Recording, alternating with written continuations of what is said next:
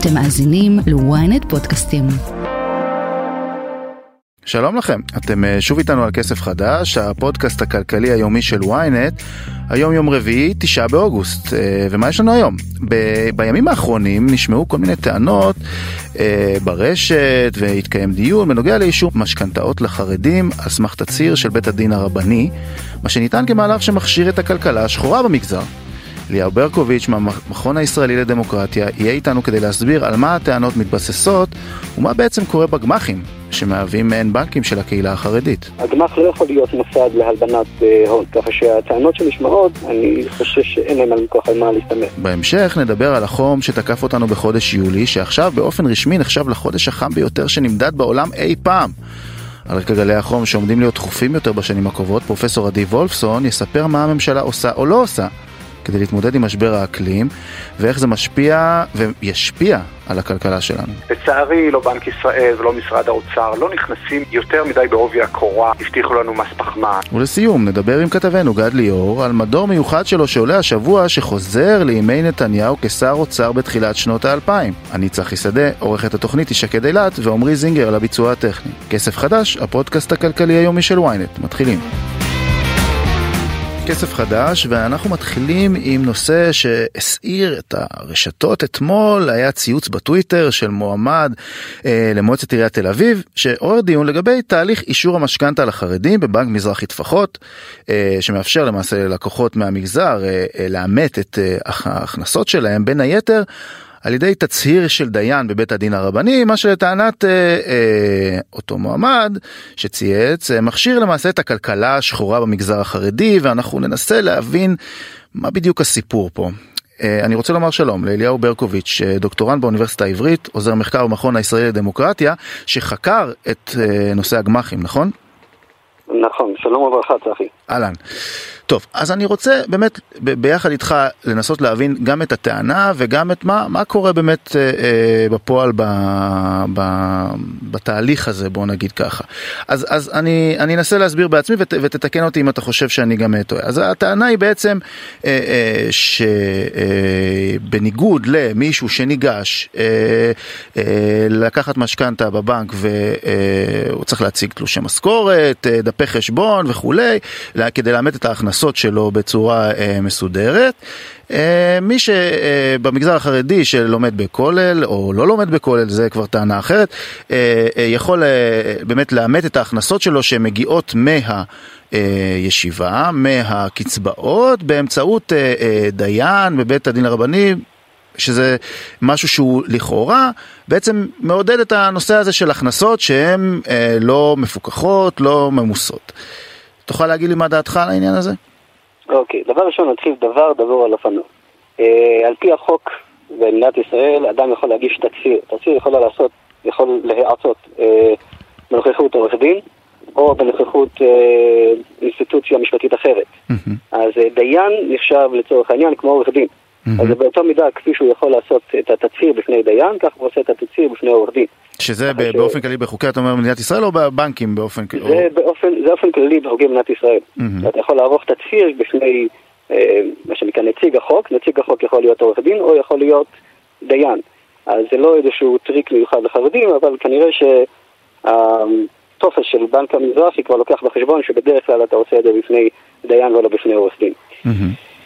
עכשיו, לעצם הטענה אה, שיש אה, אה, תופעה מסוימת של אה, הצהרת הכנסות גבוהה יותר, אה, זה יכול להיות נכון. אני שמעתי על הדבר הזה מכמה וכמה מקורות, אבל הטענה המרכזית שמתחבאת שם, לפיה שמדובר בסך הכל באיזשהו מנגנון על מנת להכשיר את הכסף השחור, זה, זה כבר... אה, אני לא יכול לערוב, כן. אין לדעת. זה, זה המשטרה צריכה באמת אה, אולי לבדוק, וזה מה שאמר בנק ישראל אתמול, שבמקרים פרטניים הוא, הוא יכול לנסות לבדוק ולראות וכולי. ואני באמת רוצה גם להדגיש שבסופו של דבר, אנחנו אומרים פה על הבנקים, שהם רוצים, הדבר העיקרי שהם רוצים זה שהבן אדם שלוקח משכנתה יוכל להחזיר אותה. ואנחנו יודעים, אתה בטח גם, אני לא יודע, תסכים איתי ותגיד, אבל במגזר החרדי האחוזי עמידה בהחזרים הם, הם די גבוהים, אולי הכי גבוהים נכון. שיש, שיש במשק, ואני מניח שבבנקים אומרים, אוקיי, אנחנו יודעים, עכשיו זה, זה קורה, ואולי באמת תכניס אותנו מאחורי הקלעים של זה, כי כשמישהו במגזר החרדי אה, מתקשה להחזיר משכנתה לצורך העניין, יש לו אלטרנטיבות, נכון? בתוך המגזר. נכון. אה, נאמר זאת כך, המגזר החרדי, בשונה מהמגזר הכללי, עובד בצורה משפחתית וקהילתית שונה. בראש ובראשונה שהורים מחתנים את הילדים, בדרך כלל הורים לוקחים את זה על עצמם לתקופה מסוימת, ואז הילדים לוקחים את זה על עצמם לחלק מהזמן. אז uh, היחידה המשפחתית הבסיסית ביותר זה לא רק הזוג, שעומד בזכות עצמו על הרגליים, אלא גם ההורים שמעורבים, mm-hmm. שזה דבר אחד. זו נקודה ראשונה. נקודה שנייה, על פי התקנות אה, ניתן לקחת משכנתה עד שההחזר יהיה עד שליש מההכנסות. Mm-hmm. זו, יש בכך היגיון כמובן, אבל זה די שירותי. יכול להיות שיבוא אדם מסוים ויבוא ויגיד, אתה יודע מה, אני מוכן לחתוך כמעט בכל דבר אחר, אה, לא לצאת לחופשות או מה שלא יהיה, והאחוז אה, מתוך ההכנסה הכוללת שלי אני אחזיר 40 אחוז. הבנק כמובן לא יהיה מוכן לעשות את זה, אבל אם יש לך את האפשרות אה, להביא אה, את התלושים ואת ה... כן, מה שבנק מזרחי באמת טען, אני גם אעזור לך קצת, הוא אומר שאנחנו מאמתים את זה גם באמצעות דפי חשבון, זאת אומרת אנחנו רואים שיש הכנסות מסוימות, זה לא שאנחנו מסתמכים אך ורק על אותו תצהיר מסוים. אה, והשאלה אבל, ואתה יודע, הטענה שעלתה שם, שבעצם מייצרים פה איזושהי הכנסה פיקטיבית מה, מה, מהכולל או מלא יודע מאיפה, אה, כדי להראות אה, שהבן אדם יכול לעמוד בהחזרי המשכנתה בעצם. כן, זה, נגיד, נגיד את זה ככה, אנחנו יודעים שהתופעה קיימת, אנחנו לא יודעים באיזה היקף. Mm-hmm. השאלה כבר מאיפה הכסף מגיע. הטענה, כפי שהבנתי, שניתנה אתמול, שהכסף לא בכסף שחור, ולמעשה צורה שבה מכשירים את הכסף השחור. Mm-hmm. לכך אין ראיות. אני יכול להגיד לך שבזמנו, שליוויתי את תהליך החקיקה של חוק הגמ"חים, הנחת היסוד של כולם הייתה שיש אה, הון שחור בגמ"חים בצורה משמעותית, אבל אין לכך שום בסיס. ולמעשה, ככל שהדיונים התקדמו, אז אה, הנחת היסוד השתנתה. לא רק בקרב החברים החרדים, אלא גם כן בקרב אלו שליוו את זה מצד המדינה, אה, היום גמ"חים מוגדרים באיזה צורה אה, בדיוק? היום, היום, אז זהו, היום יש את החוק של החוק חוקק ב-2019, 2020 אני חושב. אה, החוק למעשה מסביר את הפעילות של הגמ"חים, הגמ"חים הגדולים, יש לו כמה, כמה, כמה וכמה קטגוריות, אבל ביסודו של דבר אנחנו צריכים להבין שבגמ"חים בכלל אין אפשרות למעשה להלבין כסף, כיוון שאם אתה מגיע עם כסף שחור, אז אתה למעשה מעביר אותו מכיס א' לכיס ב'. אתה מעביר אותו מהכיס שלך לכיס של הגמ"ח, והוא אמור לחזור לכיס שלך. אם הגמ"ח לא עוסק בעצמו, ביודעין, בפעילות אה, פלילית, שהוא בא כן. ומגדיר את זה כתרומה ואחרי זה מחזיר לך את זה בצורה אחרת, שזה אני לא מכיר אף אחד שעושה דבר כזה, לאף אחד אינטרס לעשות דבר כזה, אז אה, הגמ"ח לא יכול להיות מוסד להלבנת אה, הון. ככה שהטענות שנשמעות, אני חושב שאין להם על כוח על מה להסתמך. אז למה באמת התכוונת לזה שהייתה הנחה שיש המון אה, פעילות בכסף שחור אה, בגמ"חים? מה, איך זה בא לידי ביטוי? נגיד, זו הייתה התפיסה הרווחת לפני שבדקו את הנושא. אחרי שבדקו את הנושא ראו שבאמת זה, זה ברמת הבלתי אפשרי. יכול להיות שלפני שנים רבות אה, זה נעשה אחרת, אבל החל מ-2015 כבר כמעט כל הגמ"חים עובדים דרך בנקים. ככה שאתה לא כן, מגיע... כן, יש להם חשבון בבנק האלה. נכון, אתה לא, מגיע, אתה, אתה לא מגיע מזוודה מלאה מזומנים. אתה, הכל עובד דרך, ה, דרך הבנקים עצמם, אז ממילא זה כסף מוכרז. ככה שהטענות על, על הלבנה דרך הגמ"חים, הם, קשה, קשה מאוד לראות איך, איך זה קורה. הדרך היחידה זה דרך סיבובית מאוד מורכבת, שבה ראובן נותן לשמעון הלוואה בעקיפין, לוקח ממנו זה. זה אפשרי, אבל זה, זה כמעט בלתי אפשרי בסכומים משמעותיים. ככה שאם יש תופעה כזאת... זה כאילו, זה כאילו באמת, אני רוצה לנסות לדייק את זה, יש, הטענה היא אולי לגבי ערבוב של תרומות והכספים שנכנסים, כי כמו שאמרת, הרי הגמ"ח הוא מתפקד כמו סוג של בנק, אה, בנק חברתי, בנק זה, יש כל מיני דברים ש, שאתה בא ובאמת רוצה לקחת הלוואה, ואתה אה, אה, מקבל מהם כסף ומחזיר להם כסף כמובן, זה עם ריבית אגב בדרך כלל, או לא? איך זה לא, עובד? לא. כל, לא כל, כל, הכל... כל הנקודה למעשה של הגמ"חים שזה ללא ריבית, יש גמ"חים שהם אה, עם אה, תשלום דמי חבר או איזושהי ריבית אה, מראש שכזו, אבל ריבית נמוכה בהרבה. והיא גם לא מוגדרת תמיכה הלכתית כריבית, אלא פרקטית היא באמת... ובנוסף יש תרומות שמגיעות, אני מניח שאנשים אולי רוצים לתרום או רוצים לעזור וזה, ונותנים כסף שלא מצפים לקבל בחזרה, נכון? זה... נכון, אבל זה, זה מעט מאוד. כמעט כל, ה... כמעט כל הגמ"ח זה כמו P2P, למעשה. זה ראובן שמלווה לשמעון דרך, לוי. במקום להעביר כן. את הכסף ישירות, הוא מעביר את זה דרך הגמ"ח.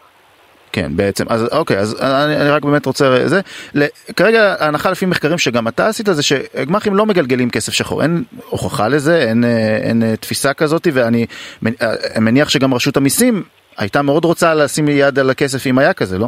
נכון, נכון, אנחנו, זה, זה ככל הנראה, אין, אין, אין שום עדויות לכך, וככל הנראה גם כן אה, אין, אה, אין תופעה כזאת, בוודאי לא בהיקף, אה, בהיקף משמעותי. אם יש, כנראה זה בהיקף זניח לחלוטין. כמו שיש בכל, ה, בכל המשק כולו. עכשיו תראה, טענה נוספת שעלתה, אתה יודע, בכל הדיונים האלה ב, ב, ב, ברשתות, מכיוון שהיום אה, אני ודאי לא צריך להגיד לך כמה כולם טעונים ו, ומאבק המגזרים אה, אה, קיים כל הזמן, אמרו אוקיי, טוב, אני אבל ב, ב, בתור בן אדם חילוני, שאני מגיע לבנק, אני לא יכול להיעזר בשיטה הזאת, אני לא יכול, הבנק לא יקבל ממני את, ה, את המסמכים האלה. אתה חושב שיש פה איזושהי אפליה לטובת הציבור החרדי? אפליה לטובה לצורך העניין. העדפה? אה, תראה, בסופו של דבר התוצאה שיוצאת זה שמי שמגיע מתוך קהילה תומכת שמאפשרת את זה, אז uh, מתאפשר לו, ומי שלא, לא. אבל uh, אני אגיד לך, במחקר שאני עשיתי, אני ראיתי שבמאה ה-19, במקביל לגמ"חים היה קואופרטיבי, לא מעט קואופרטיבים. עכשיו, אנחנו עובדים בשיטה של בנקים, אבל אפשר גם כן, גם חברה חילונית יכולה להתארגן כקהילה. ואם תהיה קהילה תומכת, ויש שם אנשים שיפקידו כספים אה, במוסדות מעין גמ"ח, כמו אותו דבר, אז הם יכולים לעשות אותו דבר בדיוק. אלו מוסדות שנגזרים מהמבנה הקהילתי של החברה החרדית, לא מהיותה החרדית. בהחלט.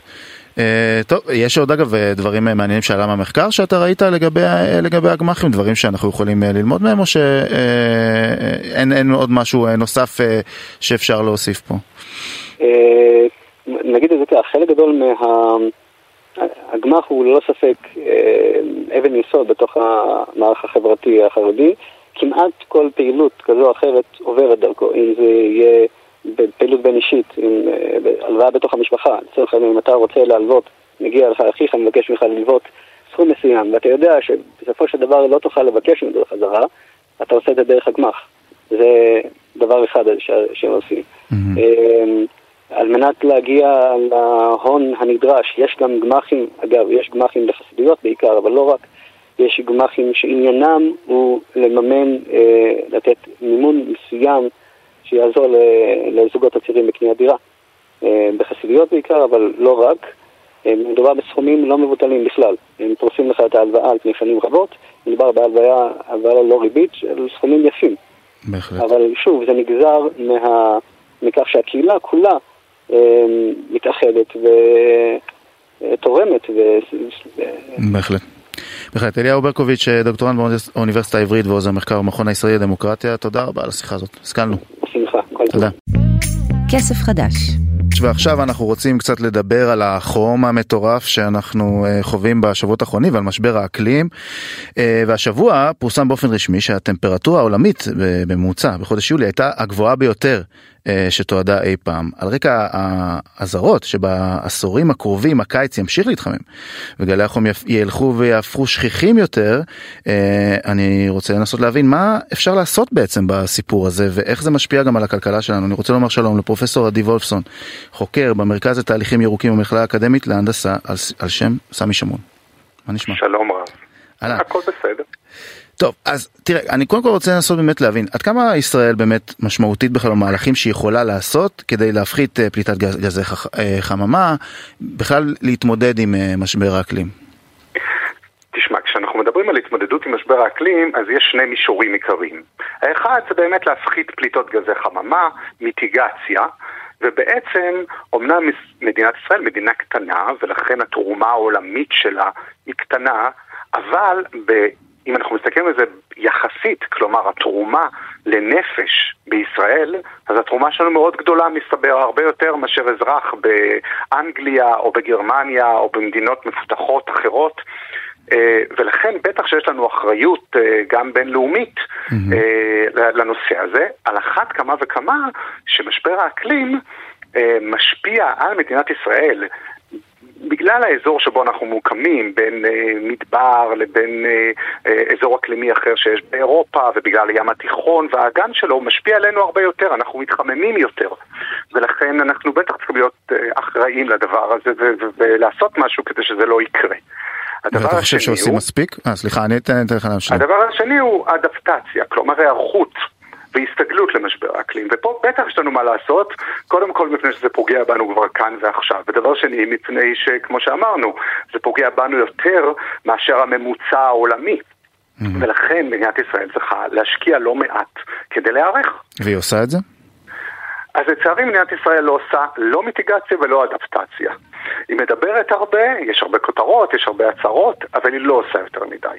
אם אנחנו מדברים על הפחתת פליטות גזי חממה, אז uh, אנחנו עדיין מבססים את רוב האנרגיה שלנו ואת רוב החשמל שלנו על דלקים מאובנים, שהם גם מזהמים, אבל השרפה שלהם גם פולטת גזי חממה.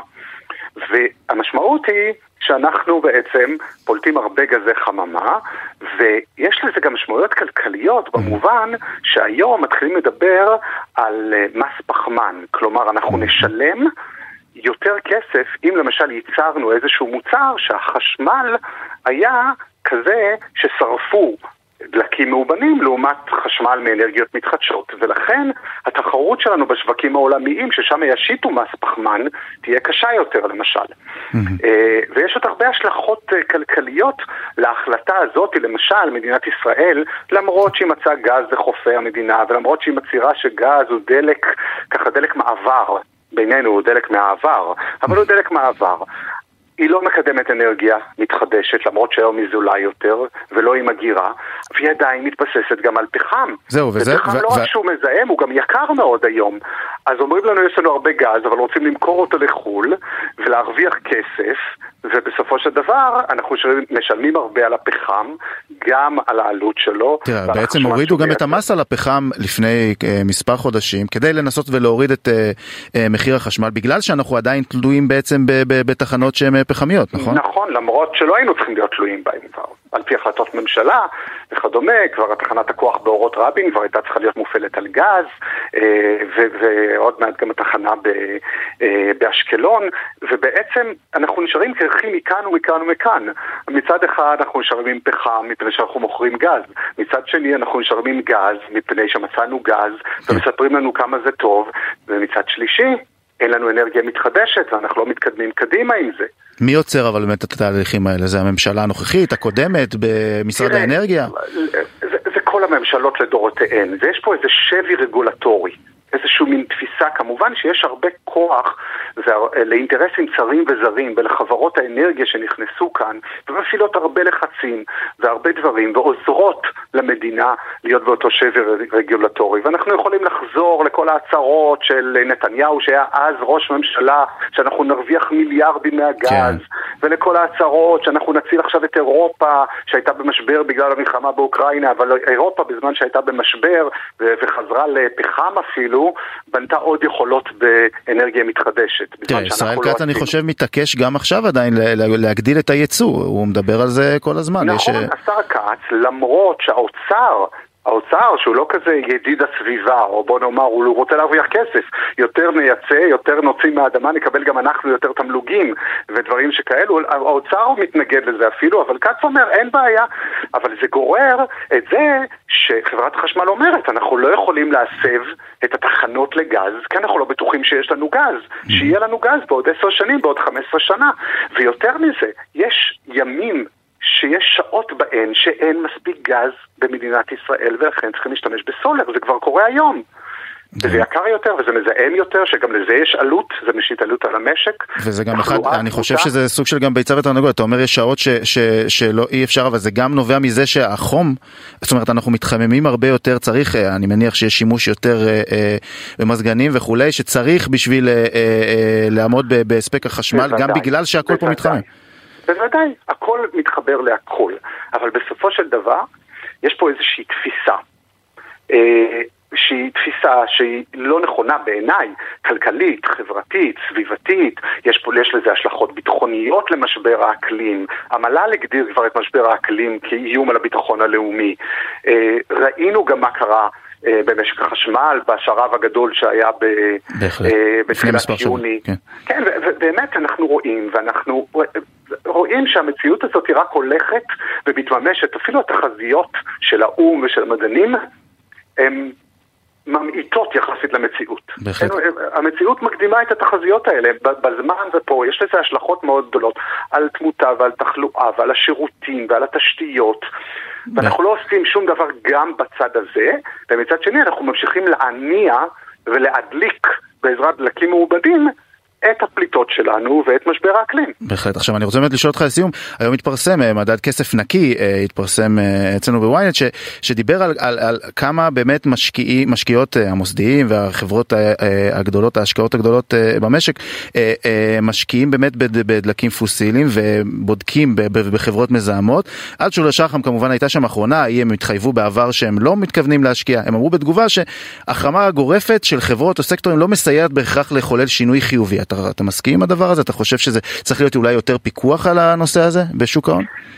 תראה, אני חושב שהדוגמה הזו של אלצ'ולר שחם היא בדיוק דוגמה שכשרצו להגיד אנחנו ירוקים ואנחנו נוביל את המהפכה ואנחנו נהיה הראשונים, רצו קדימה. ואחר כך קצת שכחו את ההבטחות ואת הדברים ועשו את הניהול בהתאם ללחצים, לשיקולים כן. כלכליים אחרים וכדומה. עכשיו אני חושב שבהחלט צריכה להיות פה אה, החלטה אה, לאומית יותר משמעותית, גם פה ברגולציה, גם בדברים האלו. לצערי, לא בנק ישראל ולא משרד האוצר לא נכנסים יותר מדי בעובי הקורה. הבטיחו לנו מס פחמן, הבטיחו לנו חוק אקלים, שבתוכו יהיו כל מיני דברים שקשורים גם לכלכלה. ובסופו של דבר, עוד פעם, אני מדגיש, זה לא רק הממשלה הזו, זה גם הממשלה שהייתה לפניה, וזו שהייתה לפניה, וזו שהייתה לפניה. תמיד יש משהו יותר חשוב. תמיד יש משהו יותר חשוב, כן? אתה יודע מה, אבל אולי, אולי הבעיה הגדולה וצריך להודות בזה, שגם אזרחי ישראל לא חושבים שהנושא הזה חשוב מספיק.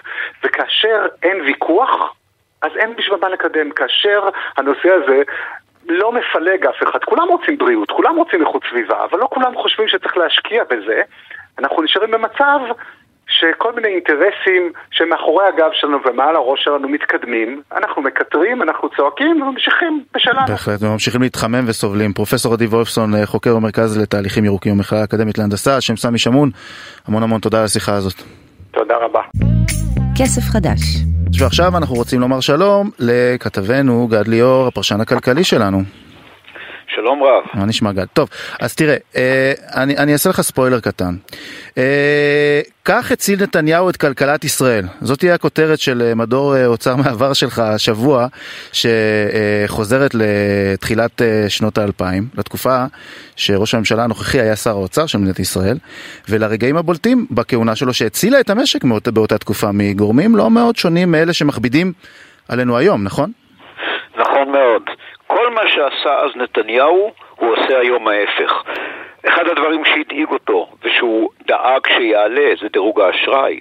הוא דאג שהדירוג יעלה, לא שירד. הוא צמצם וקיצץ בצורה מאוד משמעותית את תקציב המדינה, גם פגע אפילו בחלשים, כדי לחלץ את המשק ממצב קשה, גם מיתון, גם גירעון גדול בתקציב, גם בעולם היה מצב לא כל כך טוב, וישראל ספגה עוד יותר בגלל שהייתה כאן גם אינתיפאדה שנייה. ו... איך באמת הגענו אז למצב ההוא שהיו, שאז היה שר האוצר נתניהו היה צריך לבוא ולחלץ בעצם? מה, מה הוביל למצב ההוא? אם תוכל להזכיר לנו. אני, אני אזכיר רק שאתה היית כתב ופרשן כלכלי גם אז, נכון? גם אז וגם 20 שנה קודם לאז. אז כן, בוא תספר לנו. גם בעולם היו משברים, הבורסות נפגעו, היה משבר ההייטק הראשון בעולם, כבר אז היה משבר, ובישראל הייתה אינתיפאדה שפגעה קשות, קודם כל בתיירות, היא פגעה במסחר, היה פה מיתון, אה, עסקים נסגרו, המשק היה במצב לא טוב, הממשלה ניסתה בכל מיני דרכים הקודמת, זאת אומרת לפני ש, אה, שהוא היה שר האוצר נתניהו, לנסות ולטפל במשק, ובזבזה כספים, והגירעון בתקציב הלך וגדל. Mm. מה שבא נתניהו ועשה, הוא פגע כמעט, הייתי אומר, בכל אזרח, אבל לא בכוונה תחילה, אלא כדי לחלץ את המשק. הוא קיצץ בקצבאות, כולל בקצבאות הזקנה, דבר בלתי רגיל שנעשה רק פעם אחת. קצבאות הילדים, הילד החמישי קיבל 850 שקל. זו הייתה מין שיטה שהילד הראשון מקבל מעט, דווקא כשמשפחה, mm-hmm. יש לה ילד ראשון, זה כמובן עולה הרבה, קונים את הלול הראשון, קונים בגדים ראשונים. אז הילד הראשון קיבל 120 שקל, אבל החמישי קיבל 850. הוא קיצץ את כל הקצבאות והשווה אותם לילד הראשון. הוא קיצץ בתמיכה, שים לב, לחד-הוריות, לנכים, לחיילים משוחררים את המענק הוא קיצץ בעשרה אחוזים. שכולם התלוננו, שלא יגידו שמישהו אחר, מישהו, רק מישהו אחד אה, אה, נפגע. נכון, נכון. והדבר אולי העיקרי, הוא כל הזמן דאג לעלייה בפריון העבודה, לזה שיעבדו יותר, הוא נתן תמיכה לעובדים, ועל ידי כך הוא רצה שהחרדים, ובעיקר הגברים ונשים ערביות, יצטרפו לשוק העבודה. ההפך מהיום, כאשר יש סל צריכה ש, שדאג לו אה, אריה דרעי, של מיליארד שקלים, שאנשים מקבלים בעצם בחינם מוצרים ולא צריכים לעבוד בשביל זה, וכבר יש דיווחים, כבר יש דיווחים ראשונים שנים על ירידה בתעסוקת החרדים. אז הוא דיבר בצורה קשה מאוד, החרדים לא, הקהילה החרדית לא אהבה אותו אז. הוא אמר חד וחלק את המילים הבאות, לכו לעבוד, אתם חייבים גם לעצמכם את זה וגם למשק. לא יכול להיות שתהיה פה קהילה שלמה שרבים ממנה לא עובדים, תלכו לעבוד. והוא גרם לזה שרבים מהם הלכו לעבוד, כי הוא קיצץ בכל מיני תשלומים שהם קיבלו, כולל אגב בקצבאות לאברכים ואחרים. כל מה שקורה היום זה בדיוק, אבל בדיוק ההפך. כך למשל בזמנו... כן, אנחנו, אפשר לומר רק להגנתו, אתה יודע, אנחנו נכנסנו היום למצב הנוכחי שהוא אה, כראש ממשלה, שהמצב של הכלכלה הוא טוב. היה לומר... טוב מאוד. טוב מאוד. בשנה שעברה, 2022, שיבחו אותנו על המצב. קרן המטבע הבינלאומית, הבנק העולמי, ה-OECD, חברות דירוג האשראי, היו חברות שנתנו לנו דירוג חיובי ואמרו, אם המצב ימשיך להשתפר ב-2024, הדירוג יעלה חד וחלק, כולל חברת פיץ' שעכשיו אנחנו מחכים לדוח שלה. זאת אומרת, הם שיבחו את כלכלת ישראל בשנה שעברה, ועכשיו קורה ההפך, גם כשמורידים לך אה, מחיובי ליציב את תחזית הדירוג. דירוג, זאת הורדת דירוג אשראי. ועצם העובדה שלא יעלו לנו בשנה הבאה את הדירוג, זאת הורדת דירוג, כי בגלל המצב הכלכלי הטוב, לפני שנה, לפני חודשים אחדים אפילו רק, עכשיו... אנחנו בעצם היינו זכאים לעלייה בדירוג האשראי, כדי שיבינו, מי שמאזין כאן לדברים. עכשיו ו... בוא, באמת, רגע ננסה לחזור לסיטואציה שהרי מדובר, אתה אמרת, מהלכים מאוד קשים ומאוד כואבים להרבה חלקים במשק. היה שם, הייתה שם סיטואציה שאפשרה את זה באמת, נכון? שהיה פה, אה, זה, זה, אה, הייתה ממשלה יחסית יציבה. נכון. אה, שבאמת יכלה, זה, אתה חושב שיש סיכוי אתה יודע, אני, אני נראה לי שאני יודע את התשובה, אבל יש סיכוי שמישהו יכול, אפילו לא נתניהו, מישהו יכול להוביל מהלכים כואבים כאלה היום ב, ב, ב, ב, ביחד עם כולם? אני, הסיכוי היחיד הוא לנער את מר נתניהו, להראות לו את הכתבה שתהיה ביום שישי הקרוב, ולהסביר לו, תקשיב, אתה היית שר אוצר טוב. אני אומר את זה שוב, גם היום. שר אוצר טוב, הוא ידע, הוא מבין כלכלה. תחזור להיות עכשיו ראש ממשלה טוב, שמסייע לכלכלה. אני אגיד מה הוא עוד עשה, הוא עשה אז הפרטה רבה מאוד. הוא אמר דברים כמו, מה פתאום מדינה צריכה להיות בעלת חברת תעופה? שתהיה חברה פרטית. הוא הפריט הרבה, הוא הפריט עצים, הוא הפריט המון חברות. שום דבר לא נעשה היום. אני רוצה לומר כך, אנחנו שבעה וחצי חודשים עם הממשלה הזו שהוקמה ב-29 בדצמבר 22, שום רפורמה כלכלית, שום רפורמה לא הייתה פה, הוא לא נלחם ביוקר המחיה, איזה שניים שלושה צעדים, אה, אה, הוזיל את המס על הדלק שזה דווקא הולך לעשירונים העליונים, זה לא מאבק ביוקר המחיה. הוא לא יזם אפילו תוכנית דיור אחת, הממשלה... לא, מדברים על רפורמת מכסים, מדברים על רפורמת מכסים, מדברים על דברים כאלה, לא? מדברים, אה, כן, אז יש חלק בתקציב. בינתיים, אני לא יודע, אולי בסופר שלך הוזילו את המחירים, בשלי לא. בכל מקרה, אה, אני אומר, הוא, הוא הבטיח אגב דברים במערכת הבחירות שהוא יעשה.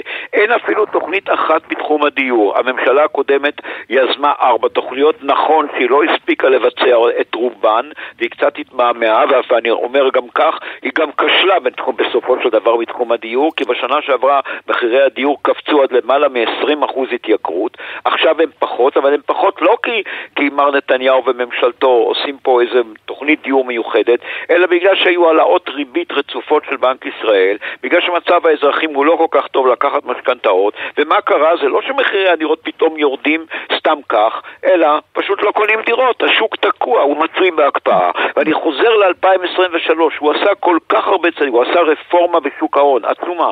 יש אומרים שלא הייתה כל כך טובה, יוסי בכר המנוח, שהיה מנכ"ל, יזם אותה רפורמת בכר, שהחברות התחילו להשקיע, התחילו להשקיע יותר בשוק ההון, ניתן להם היתר להשקיע הרבה מכספי הפנסיה שלנו. נכון, כשהבורסה נופלת אנחנו מפסידים היום, אבל בסך הכל הוא הפך בורסה משעממת וקטנה לבורסה תוססת עם הרבה כסף. אה, באמת עשה דברים טובים, בהחלט. ובאמת שהיה בין 2003 ל-2005, במשך שנתיים וחצי, שר אוצר שעשה דברים, עשה רפורמות וקידם את המשק. אז אנחנו נזכיר שמדור אוצר מעבר על תקופת נתניהו, בדיוק שהזכרת עכשיו כשר אוצר, הוא יעלה ביום שישי השבוע, שזה 11 באוגוסט. אה, ואם אתם שומעים אותנו אחרי, אתם כבר יכולים למצוא את זה בוויינט, אה, ולקרוא בדיוק את כל הדברים. התפטרותו של נתניהו הייתה בדיוק, בדיוק עכשיו, השבוע, לפני, אה, אה, אה, לפני 20 שנה. זאת אומרת, הוא התפטר באוגוסט 2003, התאריך המדויק 7 באוגוסט.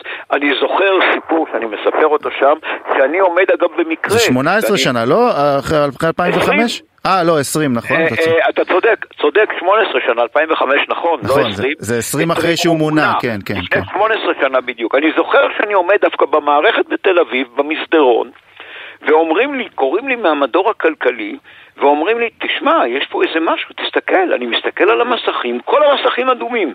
חשבנו, קרה אולי חלילה פיגוע, משהו, הממשלה התפטרה, אה, לא יודע, מלחמה, ואז התברר ששר האוצר בנימין נתניהו הודיע בשעה ארבע וחצי אחר הצהריים, חצי שעה לפני נעילת הבורסה, שהוא מתפטר. עכשיו, כשהבורסה עם מסכים אדומים, כששר אוצר מתפטר, זה סימן ששר האוצר הזה היה טוב למשק, ושהיה צער על כך שהוא התפטר, וכך היה. בהחלט. זאת אומרת, באותו יום באמת הבורסה נפלה בכחמישה אחוזים תוך דקות אחדות. והנסיבות להתפטרות האלה, אתם, אה, אני אומר לכל מי שמאזין, יוכל כמובן לקרוא אה, בוויינט את כל הסיפור כולו, אה, ולהיזכר, גד ליאור, פרשננו הכלכלי, כתבנו, תודה, תודה רבה על השיחה הזאת. תודה רבה. טוב, ועד כאן כסף חדש להיום. אה, אנחנו מזכירים לכם שאתם מוזמנים לעקוב אחרינו תמיד בדף הבית אה, של ynet וגם בכל אפליקציות הפודקאסטים המובילות. אה, פשוט לכתוב כסף חדש בשורת החיפוש, כדאי גם ללחוץ עוקב, כך תקבלו התראה על כל תוכנית חדשה שעולה. תודה לשקד אלת על העריכה, לעמרי זינגר על הביצוע הטכני, אני צחי שדה, ובשבוע הבא נחזור לכם החדשות הכלכליות. המעניינות ועוד הרבה דברים שמשפיעים על הכיס של כולנו ועד אז שיהיה לכם המון כסף חדש. סוף שבוע נעים.